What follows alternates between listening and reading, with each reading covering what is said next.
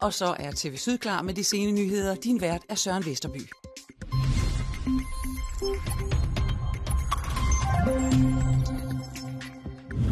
Selvom vi har stor mangel på læger her i vores del af Danmark, så forlader en dansk læge os nu og rejser tilbage til USA. Hun opgiver at vente længere på de danske myndigheder.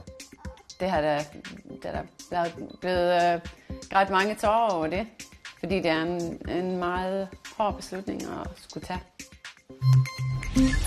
God aften, her er vi med torsdagens sene nyheder. Velkommen. Siden 2002 har hver tiende læge i Tønder lukket sin konsultation og er holdt op, og der er ikke kommet lige så mange til. Så behøver ingen af os at være professor for at regne ud, at det betyder lægemangel. Og det er ikke kun i Tønder, den er gal. Ifølge de privatpraktiserende lægers egen organisation, så er der nu 100.000 danskere, der ikke har adgang til deres egen, til, til egen læge, og i løbet af få år vil det vokse til 300.000 danskere, der ikke har deres egen læge. Alligevel forlader en ung dansk læge nu Danmark, fordi hun ikke gider vente på Danmark længere. Hun er sønderjyde, hun er fra Skærbæk, hun er uddannet læge i USA, og hun er kommet hjem igen, fordi hun gerne vil bo her og være praktiserende læge i Sønderjylland, hvis altså hun kan få en dansk tilladelse. Det kan hun ikke. Hun har ventet i halvandet år, og nu giver hun op og rejser tilbage til USA for at bo og arbejde som læge der. Vi skal rejse på mandag. Fra, fra middags, ved middagstid skal vi rejse af til Tampa i Florida. De sidste ting er næsten pakket ned. Vi har noget, der bliver sendt på øh, båden, og det tager et par uger.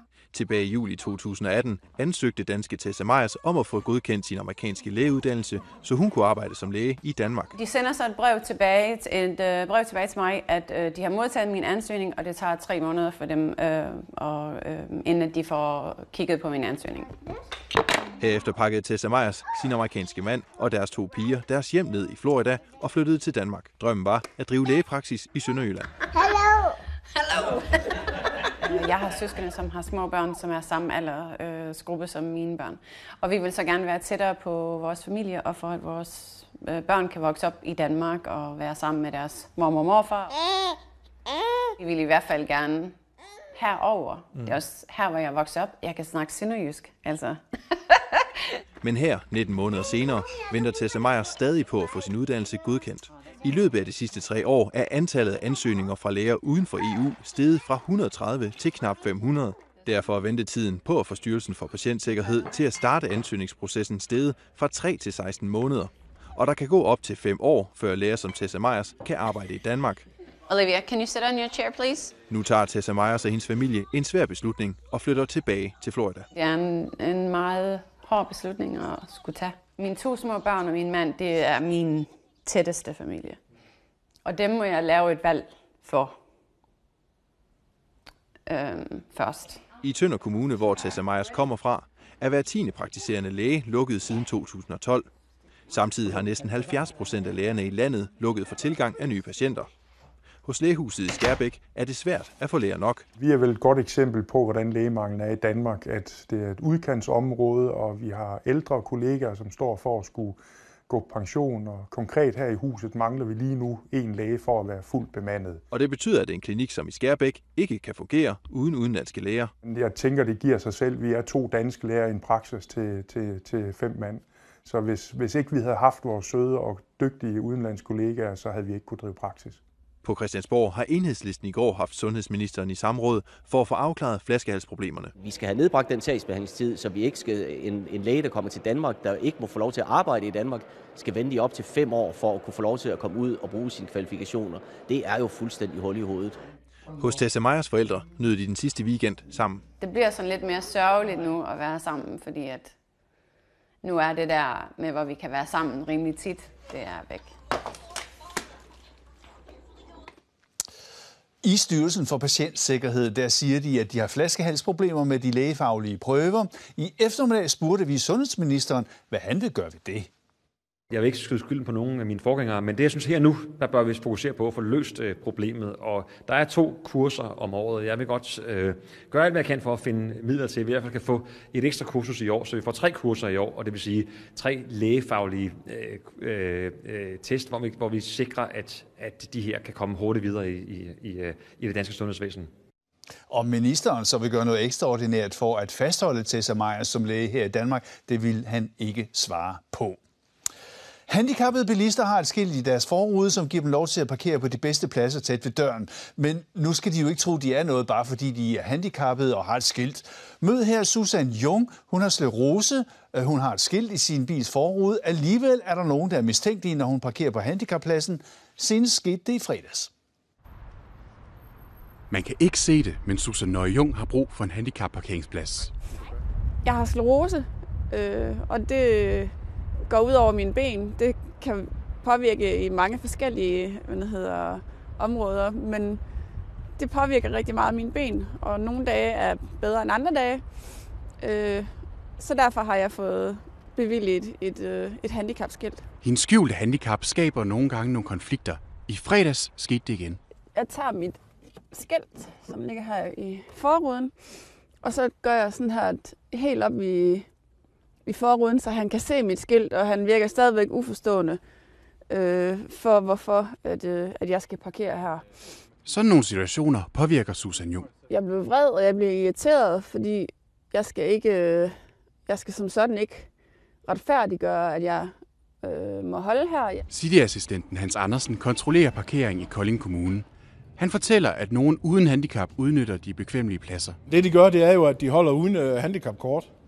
Øh, tillader sig at tage en handicapplads. Der er dog også dem, der får deres indre uautoriserede parkeringsvagt frem. Der er jo nogen, der bare er mere ops end andre og er lidt småsherifagtige jo ikke. Alle handicap kan ikke ses jo. Og, og så skynder de måske bare ud fra deres side, at, at de fejler ikke noget.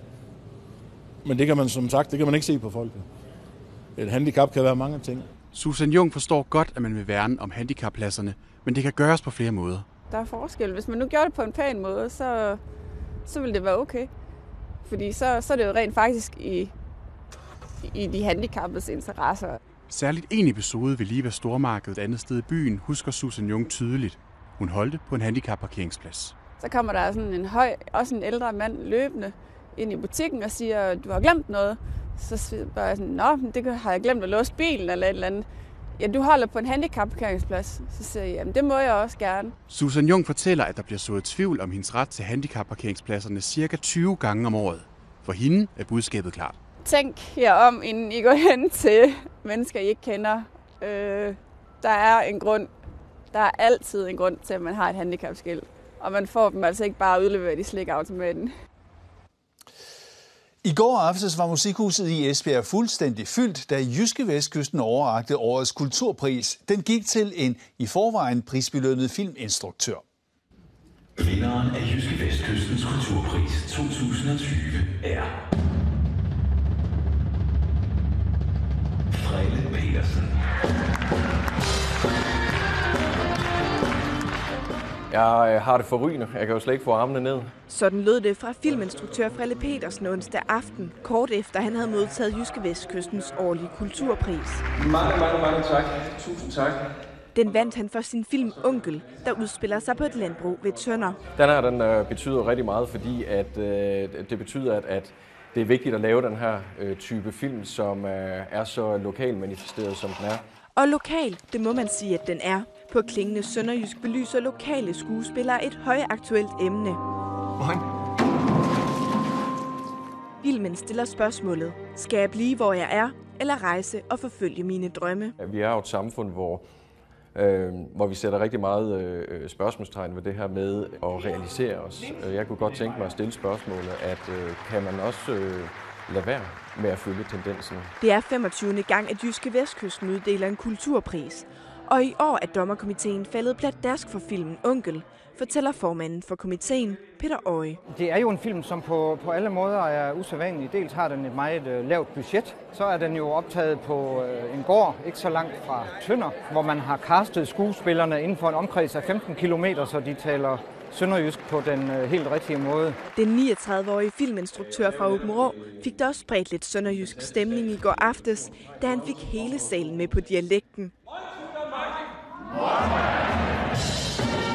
Og den sønderjyske film er allerede nået ud over landets grænser, da den i slutningen af sidste år vandt hovedprisen på Tokyo International Filmfestival. Jeg tog mig lidt tiden, da jeg kom på scenen, fordi at det er et stort øjeblik, og det er noget, man virkelig har lyst til at nyde. Endnu en drøm er også kommet i opfyldelse af i Jauken. Og så kunne snakke sønderjysk. Det var fantastisk, det kunne jeg ikke i Tokyo. Tusind, tusind tak. Ja, vi i morgen med billeder fra Sønderborg Hus i dag. Kommunen præsenterede sine i alt 192 arrangementer øh, frem til juli i anledning af genforeningen, og på trappen fangede vores fotograf dem her. Og med de billeder siger vi tak for i dag og på gensyn i morgen.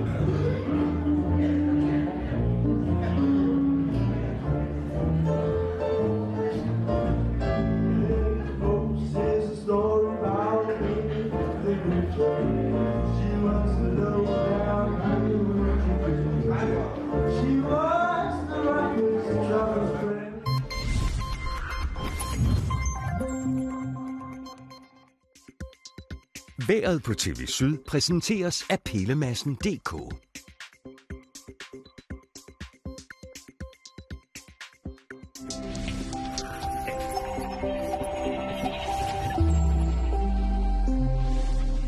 Fredagen byder på tørt vejr og også mulighed for øh, solstrejf i løbet af dagtimerne, især i formiddagstimerne. Temperatur, der ligger på en 6-7 grader og en frisk til hård vind fra en sydlig retning.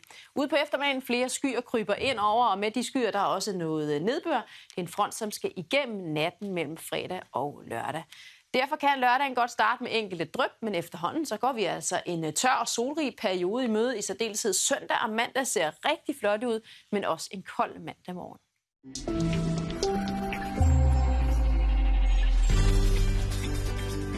Er du medlem af Klub Syd, så kan du opleve strikkerebellen fra Blands Mette Larsen, der medvirkede i strikkedysten på TV Syd. Det passer ikke med maske i den sidste ende. Hun fortæller om sine oplevelser og fantastiske strikkedesigns. Det er torsdag den 30. januar på TV Syd i Kolding. Køb din billet på klubsyd.dk. Sådan hat, de har i England.